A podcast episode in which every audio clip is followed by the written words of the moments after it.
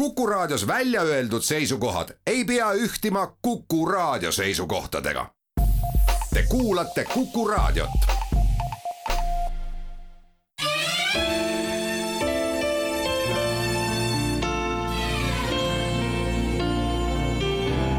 nädala raamat. Anniina Lokoi ja Liisa Kaski, taimsed pärimustoidud kirjastuselt Varrak Kuku selle nädala raamatuks on meil Anniina Ljokoi ja Liisa Kaski kirjutatud raamat taimsed pärimustoidud. kuna kumbki kirjutab originaalis soome keeles, on selle tõlkinud Piret Kooli, aga Anniina on meil sel nädalal ka stuudios temaga me sellest raamatust räägime ja täiesti puhtast eesti keeles. tere, Anniina! tere, tere! esimene asi on see, et äh, mil moel sa üldse oled jõudnud taimsete pärimustoitudeni ja toidu ajalooni ja mille tõttu see sulle sellist huvi pakub? oi, seal on pikk tee taga, et ma olen tegelikult jõudnud selle raamatuni mitut teed pidi, et seal on mitu mu lemmikteemat, mis on nüüd kokku saanud selles raamatus koos selle teise autoriga Liisaga no,. Liisa Kaski on folklorist ja no Liisaga me tutvusime, äh, kui me toimetasime koos äh, soomekeelset ajakirja Vegaia ja no see oligi äh, toiduteemaline ajakiri, et meil see toiduhuvi on kindlasti olnud olemas ja taimetoitlased oleme kaua olnud ja veganid ka juba. kui kaua? no veganid üle kümne aasta kindlasti ja no taimetoitlased teismeeast alates, et tegelikult nüüd juba üle poole minu elust olen ma taimetoitlane olnud et see on see teine tugev teema, teine ongi siis see pärimuse teema.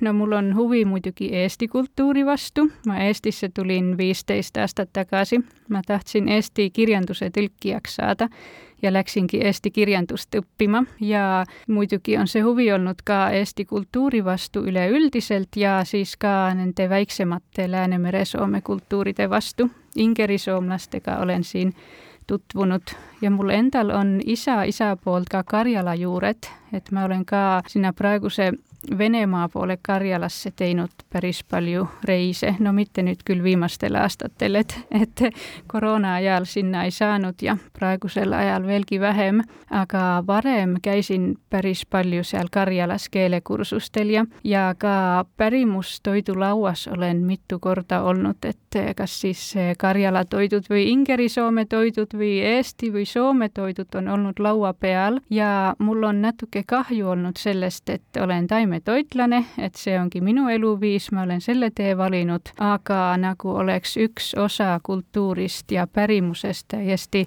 nagu maha lõigatud, et nagu need toiduks, toidud ei kuulukski mulle, et ma võin küll tutvuda muusikaga ja kirjanduse ja kõige ilusaga, aga nagu ma peaksin toidud teistele jätma, sellepärast et alati pakutakse liha ja piimatooteid. teisalt aga... on, ma lihtsalt küsin siia vahele, et teisalt, kui ma selle raamatu nüüd läbi lugesin ja, ja. vaatasin, siis siis me näeme seda, et äh, ka need on ju kõik pärimustoidud ja see ulatuslik maht, mida ajalooliselt on inimesed äh, teinud endale toitu just nimelt taimedest, see on ju märkimisväärne. no see ongi see, mis oli tohutult suur üllatus minu ja Liisa jaoks, et no meid on muidugi kasvatatud segatoidulisteks, kodus on alati palju liha pakutud ja kasvanud üles selle normiga, et no inimesed söövad liha ja sellest lähtutakse. ja siis hakkasime ikkagi uurima, et kas seal pärimustoidulauas oleks ikkagi väikene koht ka meie jaoks, et kas me midagigi leiaksime, et leiaksime paar,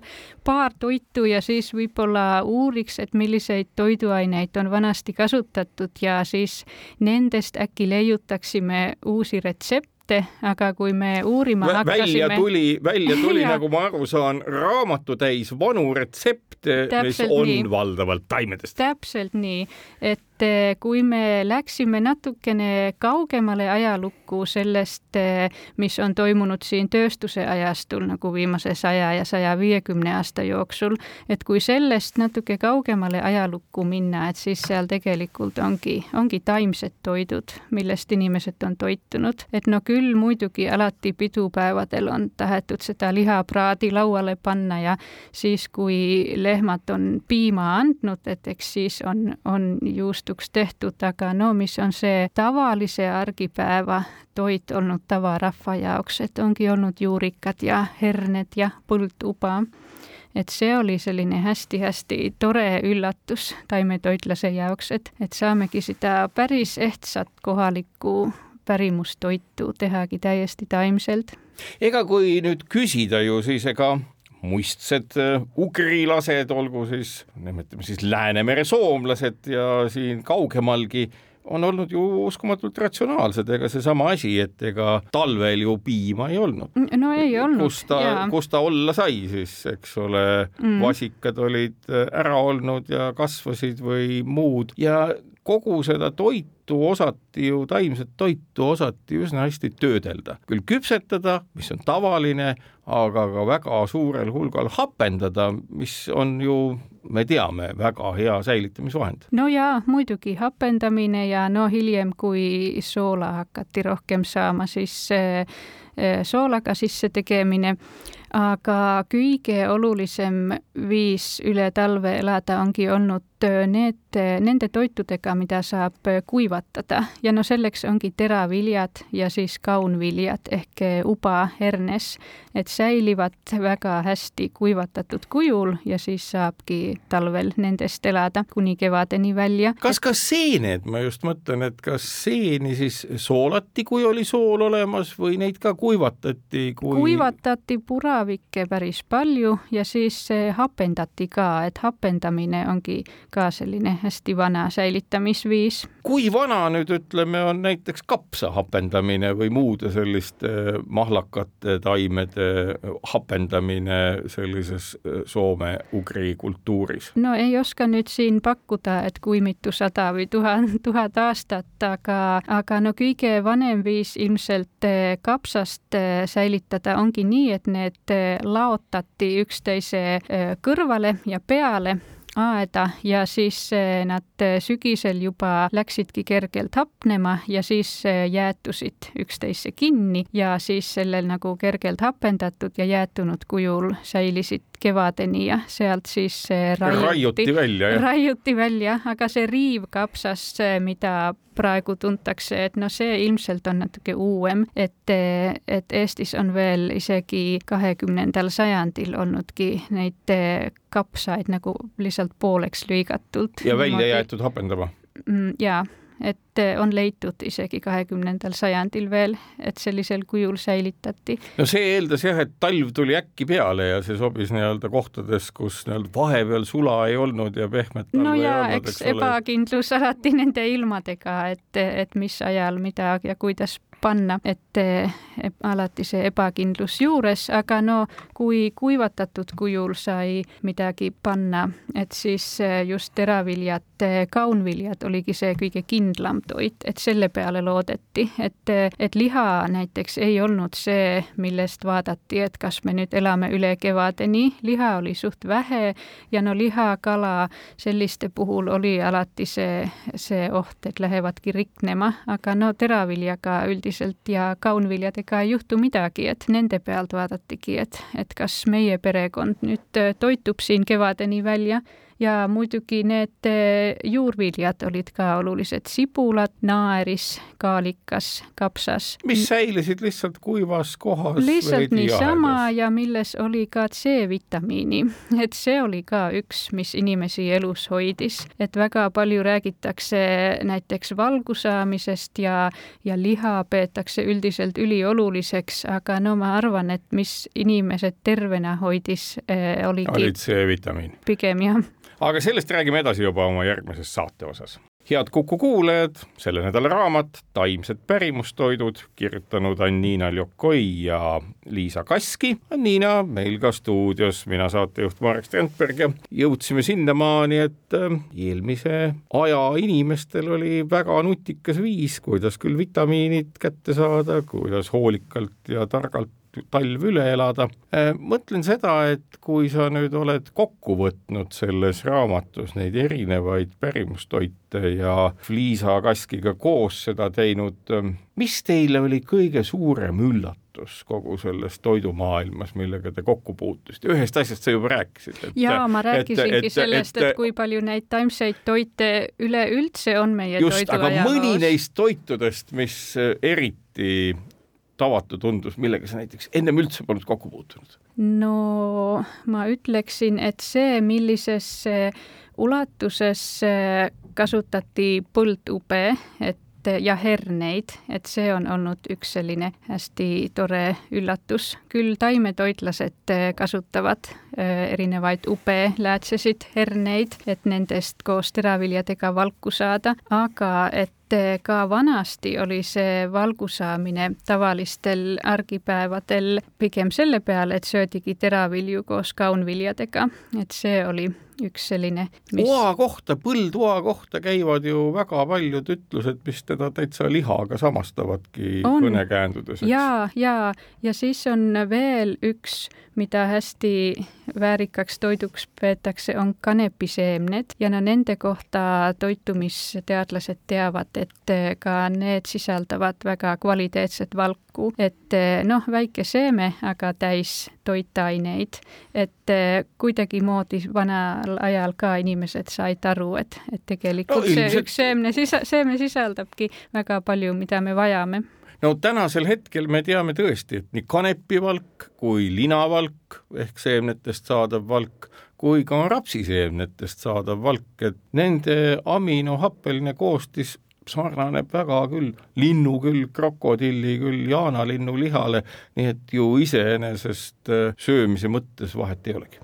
Nii ongi ja ega inimene ei toitugi ainult ühest äh, toiduainest, noh, võis küll olla, et mõnel päeval söödigi otraputru, aga, aga muidu tavaliselt need toidud, mida vanasti söödi, olidki segu just teraviljadest ja kaunviljadest, et kui me mõtleme putrul, pudrule, siis tavaliselt peame silmas seda, et, et kaerahelvestest keedetakse puder ja pannakse võib-olla marju ja moosi peale, aga see vana aja puder võis olla näiteks põldubadest ja odrast sellest keedetud ja võib-olla ka naeris või kaalikas läks sinna sisse. ehk nii kiudained, nii suhkrut tärklise näol kui valk erinevate kaunviljade näol igal pool olemas ja meenutas see oma segust ju, segult ju seda, mis on Lähis-Idas, Kesk-Aasias ja mida me teame hummuse nime all ehk et tegelikult Jaa. on niisugune põhjamaine hummus ei olnudki mitte midagi muud kui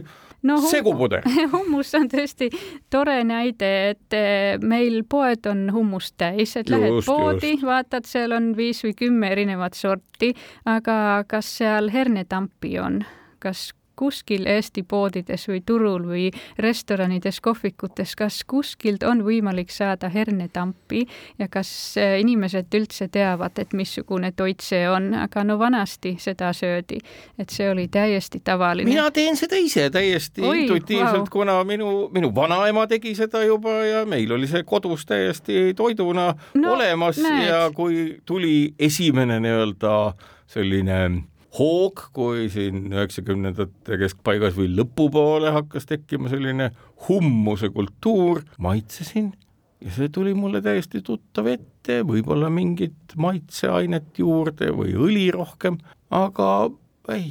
muide, kas äh, milline oli õli tarbimine või kust nagu saadi siis sellisel moel oma rasvad? Äh, no ilmselt oligi kanep ja lina väga olulised äh, rasvaallikad. ehk no, et neid kiud... ei pressitud mitte õliks, vaid koos seemnetega söödi neid ja seal sees oli ka vaja no ma arvan, et mõlemaid tehti, et muidugi mm. õli taheti ka, aga söödi ka seemnetena. et äh, väga mitmekesiselt kasutatigi neid seemneid et eh, noh, neid nagunii kasvatati, et seda me teame, et kasvatati lina ja kanepit hästi palju. ka Soomes nagu päris eh, põhja, põhjas ka kasvatati, aga millegipärast on pärimusest nagu läinud kaduma see, et, et neid kasutati ka õlina ja rasvaallikatena. karjala keeles on selline hästi ilus sõna nagu siemenvoi ehk nagu see, seemne või.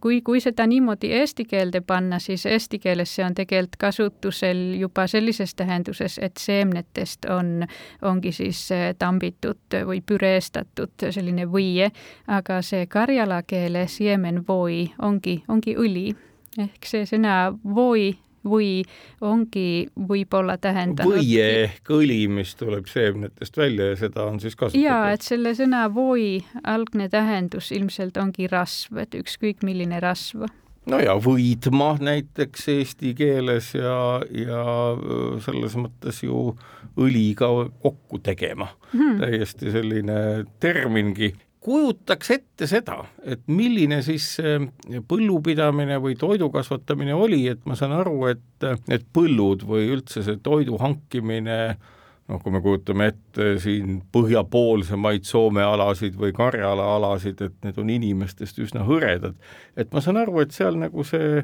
põllupidamine ja korilus metsadest marjade ja seente toomine ja kõik muu, et see oligi nagu selline üks tervik nagu selget piiri, et siin lõpeb põld ära ja seal nüüd hakkab mets peale ja nüüd me lähme metsa ja oleme põllul, et see oligi nagu selline tervikala. ma hakkas, tahtsin küsida juba seda, kui ma seda raamatut lugesin ja mõtlesin veidi selle peale, et kuidas siis, kuidas siis võis välja näha omaaegne toidu kasvatamine kas Liisa näiteks, su kaasautor, on midagi rääkinud äh, sellest või on teil arutluse all olnud, noh vaat näiteks Aafrikas on väga sageli nii-öelda äh, metsaaiad või sellised vihmametsade aiad, kus vihmametsades kasvatatakse toitu. metsapõllunduse või metsaaianduse kultuuri on, on toonud maadeavastajad nii-öelda ka Suurbritanniasse, kus seda harrastatakse. kas iidsed nii-öelda soomeugrilased, kas neil oli ka midagi metsaaianduse laadset, et mets ja põld oli nagu üks tervik? No loomulikult äh, see korilus oligi eluviis, et äh, siis põllumajandus äh, hakkas aina rohkem ja rohkem inimeste ressursse võtma ja kui hakatigi kohalikeks maaharijateks, et siis ei olnud enam nii palju aega selle jaoks, et, et metsadest asju korjata, et no see jäigi siis lastetööks pigem näiteks marjul käimine. aga jah, loomulikult äh, need olid kõrvuti inimeste elus, ma arvan, no Liisa, Liisa on folklorist ja uurinudki Läänemere-Soome rahvapärimust ja sealt äh, tuleb välja selgelt see, et inimesed eristasidki nagu sellist endale tuttavat äh, põllumaad ja siis võõrast. Ja võõras oli näiteks mets või raba ja võõra kohta käisid erinevad jutud ja hirmud ka, aga noh, ega me ei, täpselt ei teagi, et kuidas see inimese maailmavaade oli viissada või tuhat aastat tagasi, et kas ta nüüd päris tundis, et see raba või mets on võõras või oli see tuttav, et eh, kindlasti oli seal palju tuttavat ka ja et osati küll metsast leida üles need kohad, kus eh, kasvab noh, rabast korjati marju, metsast kindlasti ka paljusid taimi ja metspähkleid osati otsida ja kasemahla otsiti. et, et ja siis, kui oli looduses mõned kohad, kus midagi kasvab, siis hakati soodustama nende nende taimede või puude kasvamist, mis inimestele ka midagi andsid. aga sellest räägime edasi juba oma järgmises saate osas head kuulajad, Kuku selle nädala raamatuks Taimsed pärimustoidud, mille on kirjutanud Anniina Ljokoi ja Liisa Kaski, tõlkinud Piret Kooli Varraku kirjastuse poolt välja antud sellel aastal. Anniina meil saatekülaline sel nädalal, mina saatejuht Marek Strandberg ja kõnelesid just sellest eelmise osa lõpus, kus äh, ütlesid, et inimesed hakkasid vaikselt kohandama ka metsi äh, sel moel ja looduslikke alasid, et sealt üht-teist kasulikku võiks saada. kui nüüd vaadata nii-öelda neid retsepte, mis siin on ära toodud koos nende lugudega, siis tegelikult ju seesama erinevate söödavate taimede hulk näib olevat oluliselt suurem kui see, mida me oma igapäises noh, nii-öelda tänases kaubanduslikus elus nii kasutame.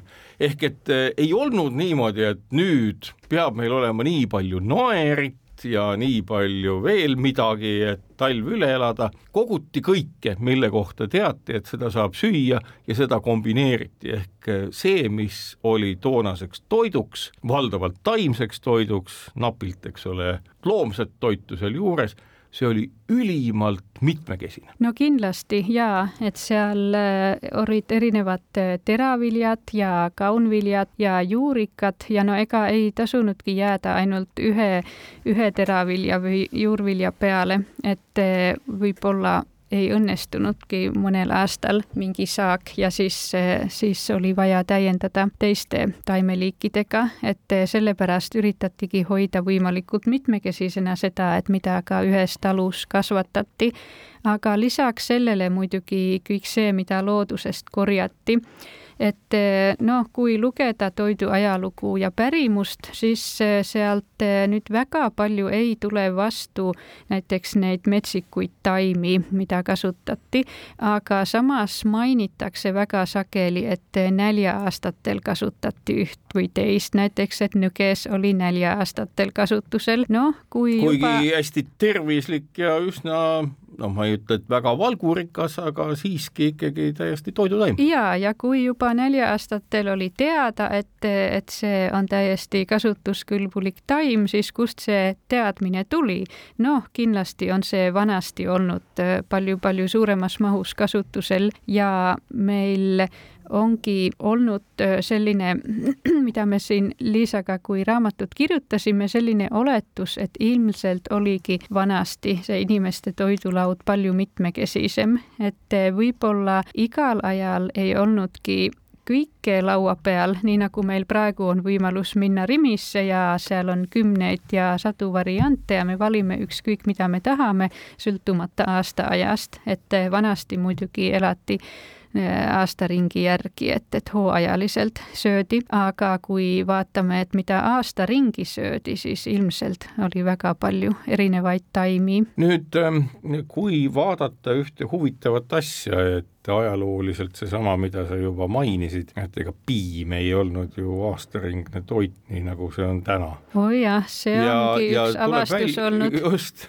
ja ka kõikvõimalikud taimsed piimad, noh näiteks koerastki tehtu et see ei ole mingisugune uus avastus, mis on tulnud nii-öelda, nimetame siis vegan moega, vaid see ongi olnud ajalooliselt täiesti korralik valguallikas, mida on kasutatud tõenäoliselt sajandeid. no see ongi põnev, et tänapäeval tuleb turule neid, neid igasuguseid taimseid tooteid, mis meenutavad lehmapiimatooteid, kaerapiim, mandlipiim, sojapiim. mida ei tohi Euroopa Liidus nimetada piimaks. ja ei tohi, kui sa aga tahad neid müüa, aga tegelikult äh, Aliise Moora Laura, kes, etnograaf, kes eh, pani kirja hästi-hästi palju Eesti toidu ajalugu ja ka väga täpselt kirjeldas neid viise, kuidas näiteks kaera- ja kanepipiima vanasti valmistati kodudes. tema kasutas seda nimetust kanepipiim, kaerapiim, olid küll mitmed eh, teised nimetused ka erinevates piirkondades, aga no just nimelt piimaks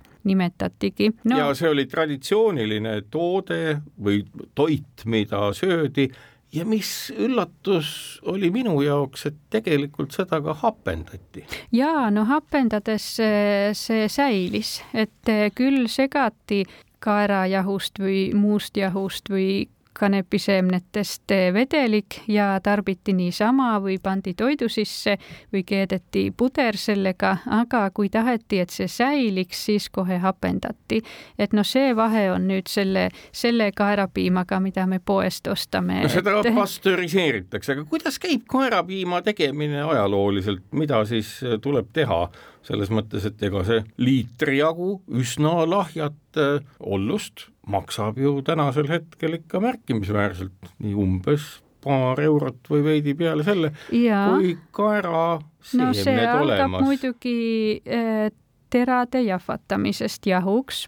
No siis jahu segatakse vedelikuga ja siis lastakse seista ja siis sõelutakse, et siis tulebki sealt see vedelik, mis on tavaliselt valge ja meenutabki lehmapiima ja noh, vanasti või no alati inimeste jaoks see esmane piim ei ole olnud lehmapiim, vaid see on ikkagi olnud rinnapiim, noh, meie enda rinnapiim, millega me naised oma lapsi toidame, et see ongi see nagu esmane piima tähendus ja siis kõik, mis välimuse ja kasutuse poolest meenutavad seda vedelikku, et seda siis on ka ajalooliselt piimaks nimetatud, et see on loomulik, et kas inimesed võime, kasutavad sellist sõna. kas me võime julgustada nii-öelda kõiki huvilisi, kes tahavad ise katsetada, kas koerapiim neil ka välja tuleb, et ega jahvatamiseks vist kõige parem asi on kohviviski, kui kellelgi see veel olemas on? ongi nii ja tegelikult, mida ma kõige rohkem soovitan, on kanepiseemnetest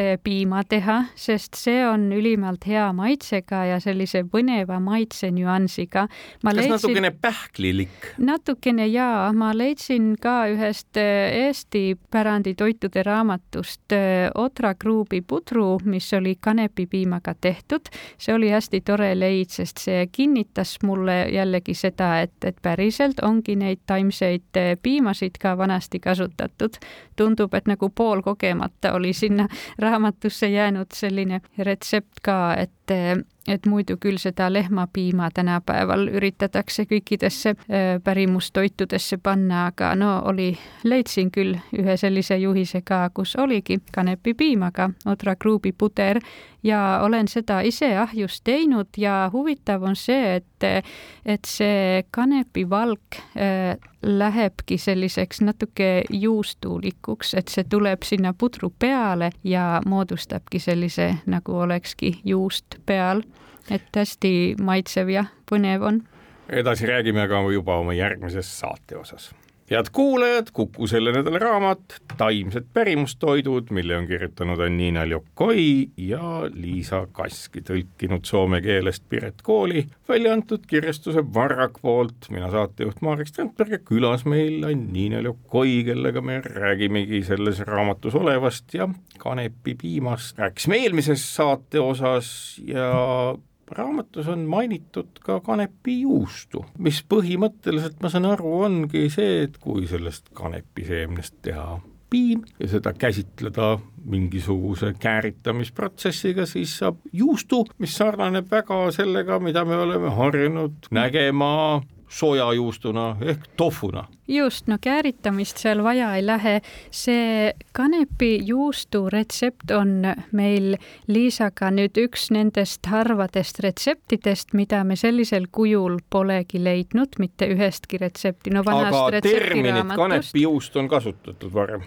seda ka ei ole leidnud, aga kuna Aasias on juba tuhandeid aastaid sojaubadest tehtud juustu ehk tofut ja siin Põhjamaades on kasutatud kanepiseemneid ja kanepipiima ja on ka tehtud ahjus putru koos kanepipiimaga ja on tehtud kanepiga igasuguseid käkke, siis me oleme lihtsalt enda toidu tegemise kogemustega tulnud selle peale, et, et peab kindlasti olema nii, et inimesed ka vanasti teadsid seda, et kui kanepipiim läheb äh, ahju ja on soojas hästi kaua, siis valk hakkab eralduma ja moodustabki sellise nagu tahkema juustu, et äh, kui tehagi odragruubi putru kanepipiimaga, siis äh, on näha seda, kuidas see valk läheb nagu natuke juustu moodi tahkeks. kanep Sinna... on selles mõttes, ma just mõtlen ju väga hea taim, eks ole, et eks temast räägitakse igasugu muid jutte, aga valikuliselt on tegemist siiski nii-öelda muude juttude ehk narkootiliste ainete puhul hoopis teise kanepiliigiga kui see, millest seemneid saab? no ajalooliselt on see ikkagi toidutaim, et no kindlasti on äh, kasutatud äh, ravimina ka ja siis muidugi kiudainete pärast ongi kiud, kiudu sellest saadud, aga noh, hästi oluline toidutaim. ma just mõtlen seda, et kui me siin saame midagi julgustada või inimesi ahvatleda midagi uut tegema praegusel ajal, kui kõik otsivad endale ettevõtlusvõimalust, et ju kanepitaim, seemned kätte, võib-olla jääb isegi natuke mingit kiudu üle, millest saab midagi toota aga see on vist lühem, lihtsam ja jätkusuutlikum tee juustuni, kui kasutada lehma no kindlasti, baltisakslased äh, tegid muideks juustu mandlitest, aga noh, mandlid muidugi tulid väl-, välismaalt, et see oligi selline Kust eksootiline toidu. mandlid pärinesid üldse toona, on sul mingit teadmist selle kohta? Äh, ei tea küll täpselt, aga no üldiselt äh, tuli Euroopa kaudu, et mida, mida siis toodi siia noh, Hansa linnadesse ja, ja sealt edasi särapupähkel peaks ju andma samamoodi õli välja ja küllaltki no seda võiks ka proovida, et see oleks meie kohalik, kohalik muidugi et eh, noh, viimasel ajal eh, kõik ettevõtjad tahavad nüüd kaerast midagi arendada, et no ma lugesin, et Eestis ka nüüd ja, hakatakse kaerapiima tootma, et see nii on toodud seda Rootsist ja Soomest, aga no nüüd Eestis ka tuleb tootmisliin kaerapiimale. teine on põlduba, et, eh, et Soomes on päris palju praegu seda põldtoa ja hernevalgu tootmist, et sellest toodetakse siis erinevaid taimseid valgutooteid, et palle ja, ja kotlette ja, ja igasuguseid, aga no Eestis on jällegi kanepiseemned äh, natukene nüüd moes, et äh, no nendest on, on erinevaid tooteid, aga no võiks veel rohkem olla et.... ma loodan, et ka kanepikasvatus, sellepärast et kanep on uskumatult vähenõudlik taim ja suudab kasvada päris keerulistes oludes, mitte nagu raps, mille puhul tuleb väga palju hoolt kanda, et et äh, teisi taimi koos temaga ei kasvaks ja mingeid haigusi külge ei tuleks. kanep on siin vist aegade jooksul olnud, kui kaugel põhjas üldse kanep kasvada suudab, on sul mingit teadmist? no Vienna Karjalas on küll, et päris kõrgel on ka seda kasvatatud, et kui hästi on kasvanud, seda, seda ei oska öelda, mingi aeg hakati Soome tooma kanepit siis pigem Baltimaadest, et noh, aga noh, see oli juba tööstuse ajastul siis, kui laevad hakkasid tooma odavamalt välismaalt kaupa, aga ajalooliselt on küll olnud üks nendest põhitaimedest, et eh, mulle tundub, et kuna tulevikus nagunii peab hakkama rohkem keskenduma taimsele toidule no, no jaa, sellepärast keskkonna pärast, keskkonna pärast ega kliimamuutus ei ole enam mingi väiksema seltskonna teema, vaid ikkagi juba kõik on teadlikud sellest, et et päris eh, tõsine oht meie elule, et eh, nagunii siin eh, hakatakse rohkem ja rohkem kasutama taimset, taimseid variante. et kui me tahame säilitada seda meie kohalikku toidukultuuri, siis just kanepiseemned, põlduba, hernes ja erinevad juurikad ongi see, millele nüüd tasub vaadata, et see ongi see meie enda toidukultuur. ehk et iseenesest ei ole midagi halba, kui me küsime endalt küsimuse, et milline peaks välja nägema meie põllumajandus, on üks pool, mis ütleb, et masindatult toodetud teatud viljad, millel on rahvusvaheline turg, aga tegelikult ka teistpidi, et ega ju kombineerimine ja kohalik turg ja kohalik tarbija on ju ka täiesti olemas ja kui seda kõike teha arukalt, mitte väga suurte kuludega, siis on see tootja-tarbija ju siin kohapeal olemas, kes peab lihtsalt aru saama ja tundma seda, et rikkalikum maitse on see, mida kohalikust toidust saada. jaa, muidugi, ja eks inimesed oskavad ka hinnata kohalikku toitu ja seda, mis ongi meie enda enda pärimuses. Ajalooliselt on ju niimoodi olnud, ega ma täpselt ei mäletagi, ega millal jõudis kartul Eestisse või Soome, aga üldiselt võeti kõik uued nii-öelda lahendused kiiresti kasutusse, isegi tomatid vist. jaa, no need ongi juba natuke uuema aja viljad, et no kartul tuli juba kaheksateistkümnendal sajandil, aga no pigem mõisade põldudel siis kasvatati, aga no millal see siis nagu päris eh, laiali läks, oligi alles üheksateistkümnendal sajandil, et eh, hästi aeglaselt võeti seda omaks, talupojad isegi kartsid, et no see võtab ju põllumaalt õnnistuse ära, kui sellist võõravilja sinna panna, et üritati sellest kõrvale hiilida, kuigi mõisades oli aru saadud, et no see kasvab hästi, et, et seda tasub eh, nüüd kõigile jagada, et üsna visalt võeti vastu, aga siis, kui kartulit kasvatama hakati, et siis kahjuks see tõrjus väga palju muid eh, taimi ära. no põldtuba ongi üks nendest kaotajatest ja noh, hernes ka teine ja siis ka need vanemad juurikad nagu kaalikas ja naeris, naeris eriti. ma üritasin täna hommikul turu pealt leida naeriseid. ei õnnestu leida? ei õnnestunud. ei õnnestu leida? väga kahju. kaalika leidsin küll ja punapeeti ja kartulid on seal igat sorti, aga Naeri... mitte ühtegi naerist no, ei leidnud. on vist niisugune lugu, et äh, mõnedes kohtades Lõuna-Eestis on nagu sellised kohalikud turud, kus on mõni kasvataja ikka olnud, aga, aga siinkandis ei leia ja no siit, siin peab väga hea õnn olema kaasas, et leiad, et, et siis juhtuma turule õigel päeval või, või siis minema teisele poole linna teatud äh, ökopoodi, kus seda parasjagu oleks, et äh, naaris ongi üks neid juurvilju, mida eestlased on siin sadu või tuhandeid aastaid söönud ja kui me tahaks nüüd äh, hoidagi seda meie enda toidukultuuri, siis naeris võiks olla üks, mida uhkelt teha ja pakkuda ka külalistele. edasi juba aga oma järgmises saate osas head kuulajad, Kuku selle nädala raamat Taimsed pärimustoidud, mille on kirjutanud Annina Ljokoi ja Liisa Kaski, soome keelest tõlkinud Piret Kooli, Marraku kirjastuse poolt sel aastal välja antud, mina saatejuht Marek Strandberg, Annina Eesti eestikeelsena, pikalt Eestis elanuna on meil ka sel nädalal saatekülaline ja räägib raamatu tagamaadest, miks, kuidas ja kelle jaoks see kirjutatud on, kelle jaoks, see tähendab tegelikult kõigi jaoks, kes äh, tahavad katsetada ja proovida seda, kui suurel määral nende tavapärasest nii-öelda liharohkest äh, menüüst on võimalik asendada taimedega. sinu kogemuse põhjal kogu menüü, aga julgustad sa inimesi katsetama just nimelt äh, siin raamatus kirjeldatud retseptidega, et äh, lisada veidikene mitmekesisust ja just nimelt sellist soome-ugrilikku mitmekesisust toidulauale? no täpselt nii, et muidugi see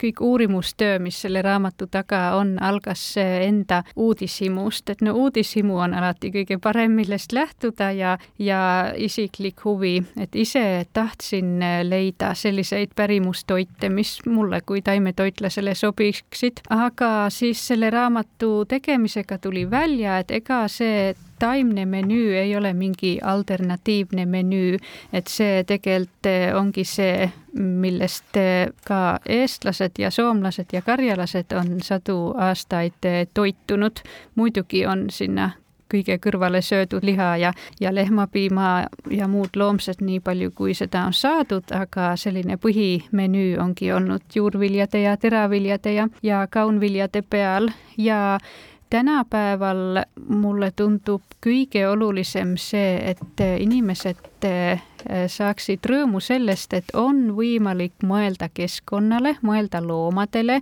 hoolida loomadest, mõelda, et ma söön taimset toitu, kuna ma ei taha, et, et loomad seisaksid puuris ja sureksid minu toidu pärast ja ikkagi hoida alles meie kohalikku toidupärimust et see on väärtus omaette. no loomadega on vist ka teine tõsisem asi, on ikkagi see, et tänases maailmas, kus elatavast maast pool on põllumaade all, siis sellest poolest, mis on põllumaade all, on üle kolmveerandi taimede all, mida söödetakse loomadele mm,, keda ja. siis hiljem süüakse või lüpstakse.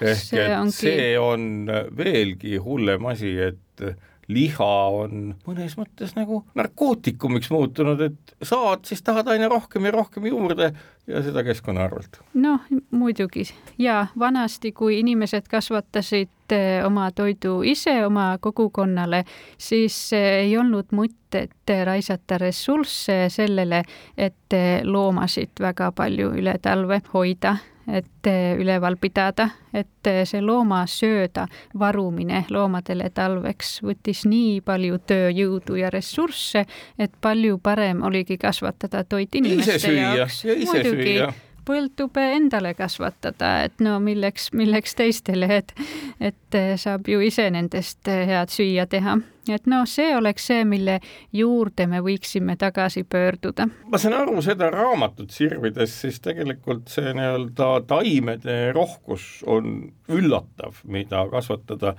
hakkasin mõtlema selle peale, et vot siin on ju olnud ka Euroopas sellised äh, hilised näljahädad äh, mõned sajandid tagasi, kui inimesed ka Iirimaalt hakkasid välja rändama Ameerika Ühendriikidesse, kui oli toiduikaldus. ikaldused tulid valdavalt ikkagi selle tõttu, et põllud olid täis ühesuguseid taimi, mida kasvatada.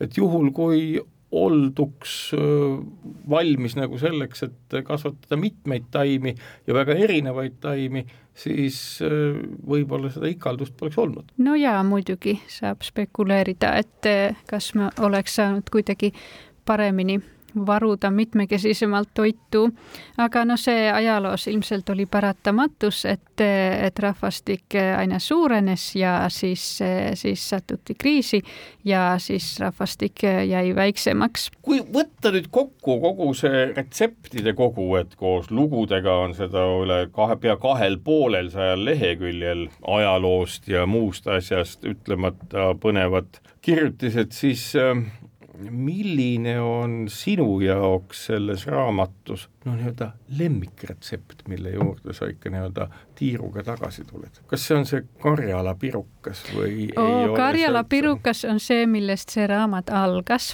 et seda saan kohe öelda.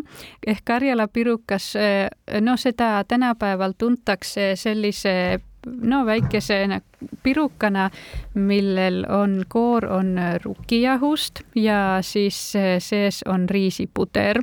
noh, kohe kui ütlen välja riisipuder, siis noh, kes natuke toidu ajalugu teab, teab juba, et ega riisipuder ei riis ole ju... ei ole Soome taim. ei ei kasvanud meie põllu peal, seda üsna vara toodi sisse juba ka ilmselt keskaegses Eestis nauditi riisi, aga no ega seda iga talupoeg ei saanud, polnud kuulnudki. et riis sai siis Karjalasse moetoiduks kunagi palju hiljem, ilmselt juba kui Peterburg oli asutatud ja sealtkaudu tuli erinevaid eksootilisi toiduaineid siis Karjalasse ja Ingerimaale. aga see Karjala pirukas on hästi huvitav pirukas sest no miks see on saanud üldse sellise nime nagu Karjala pirukas, see juhtus siis pärast teist maailmasõda, kui karjalased, no osa karjalastest kaotasid oma kodu, mis jäigi Nõukogude Liidu alale ja pidid siis tulema Soome poole. Ja siis hakkasid oma värimustoite tegema Soomes ja tahtsidki teha neid kõige paremaid, et mitte neid, mida oli tehtud äh, igal nädalal, vaid no peotoite hakati siis pakkuma teistele soomlastele, et uhkelt näidata, et küll meil on ikka hea, hea toidupärimus. Karjala pirukas oli üks nendest eh, toitudest. no seda karjalased kutsusid väga mitme nimega, et šibanieku või kalitu ja siis eh, soomlased panid sellele nimeks Karjala pirukas aga no ajalooliselt äh, seal oli palju erinevaid täidiseid, et alates kaalikast ja, ja siis otraputrust, et sinna ongi, no nii nagu meie paneme võileiva peale täpselt seda, mis meil juhtub kapis, kapis olema, olema, just, et karjalased vaatasid, et äh, nüüd täna teeme ahju soojaks ja siis äh, vaatame, mis meil on ja seda siis panemegi sinna piruka sisse, et hästi mitmekülgne toit aitäh, Anniina. see on soome-ugri gurmee, taimsed pärimustoidud. see raamat on täis kõikvõimalikke asju, millest minul polnud aimugi. igatahes äh, soovitan seda kindlasti sirvida, lugeda ja katsetama hakata, et aru saada, kui ulatuslik võib olla erinevatest taimedest kokku pandud menüü ja mitte ainult huvitav, vaid ka toitev ja tervislik. sellega on ka meie saade läbi, nii et head lugemist ja kaunist päeva teile.